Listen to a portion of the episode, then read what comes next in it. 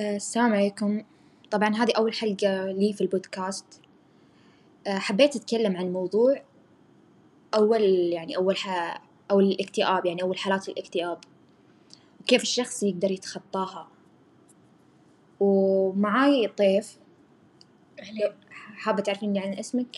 أنا اسمي طيف. آه، عمري 19 سنة. راح أقول لكم أو أحكيكم عن الاكتئاب أو الحزن أو فقدان الشغف والندم وهالأشياء. كيف مريت وكيف تخطيت.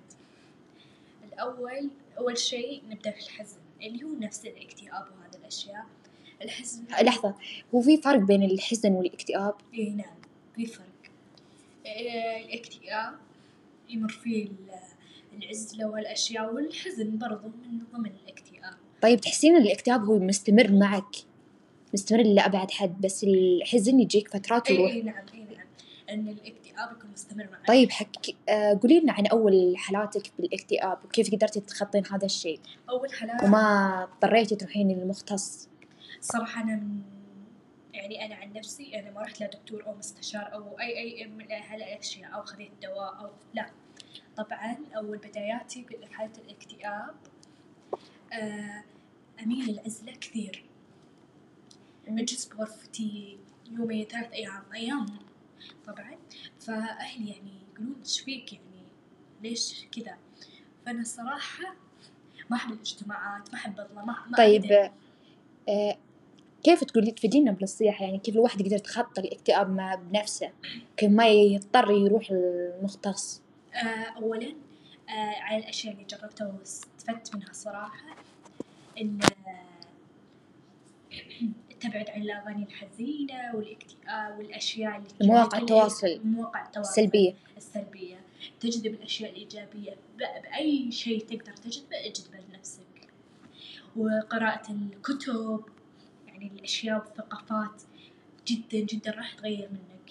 غير إنك آه، تتقرب آه، من إيه إيه تتقرب. والأشياء المهمة في حياتك لازم حتى لو ما كنت تبي تجلس مع أحد أو شيء لازم لازم إنك تجلس.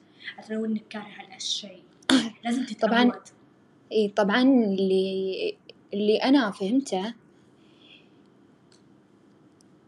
أو إذا كانت يعني حالتك جدا في أنت داخل في اكتئاب حاد أفضل لك إنك تروح لدكتور أو استشاري. يساعدك في هذا أبدا لا الشيء. تجلسون. لازم إنك تروح يعني أول حالاتك يعني. يعني تبدأ بأول مشكلة قبل تتعمق وتصير تفاقد. يعني قبل تفقد الوعي. صراحة أنا عشت في خيال ما عشت في الواقع من حالة الاكتئاب يعني حياتي كانت كلها خيال. طيب؟ كل شيء حياتي يعني ما أعيش في الواقع يعني أعيش في في الخيال. درجة يعني فهميني أكثر يعني كيف يعني أنت عشتي بالخيال؟ يعني درجة أتكلم مع نفسي أسوي أشياء.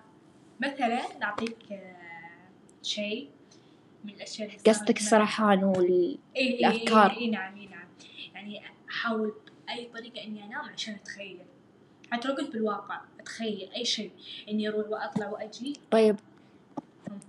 آه اللي نبى نعرفه كيف يعني قدرتي تتخطين الاكتئاب أو المراحل الاكتئاب وما قدرتي تدخلين في يعني تخطيتي هذا الشيء وما دخلتي بالاكتئاب نفس ما قلت لكم إي إي تحاول تبتعد عن الأشياء السلبية. إيه نعم. حاول تبتعد عن الناس السلبيين اللي في حياتك. حاول تحاوط نفسك بأشياء إيجابية ناس إيجابيين أصدقاء إيجابيين أمم. آه جوالك هو أس أكبر سبب إنك طول الوقت عليه.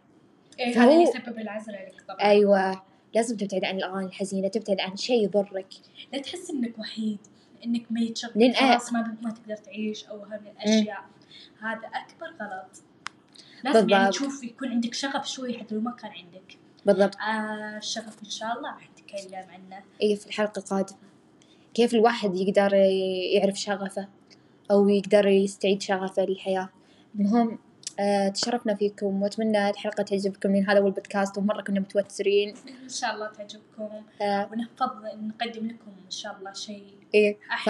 فمرة كنت أنا مترددة إني أسوي حلقة يعني أول بودكاست لي. يعني كنت مترددة من أشياء كثير بس الحمد لله سويت أول حلقة وإن شاء الله تعجبكم. ومع السلامة.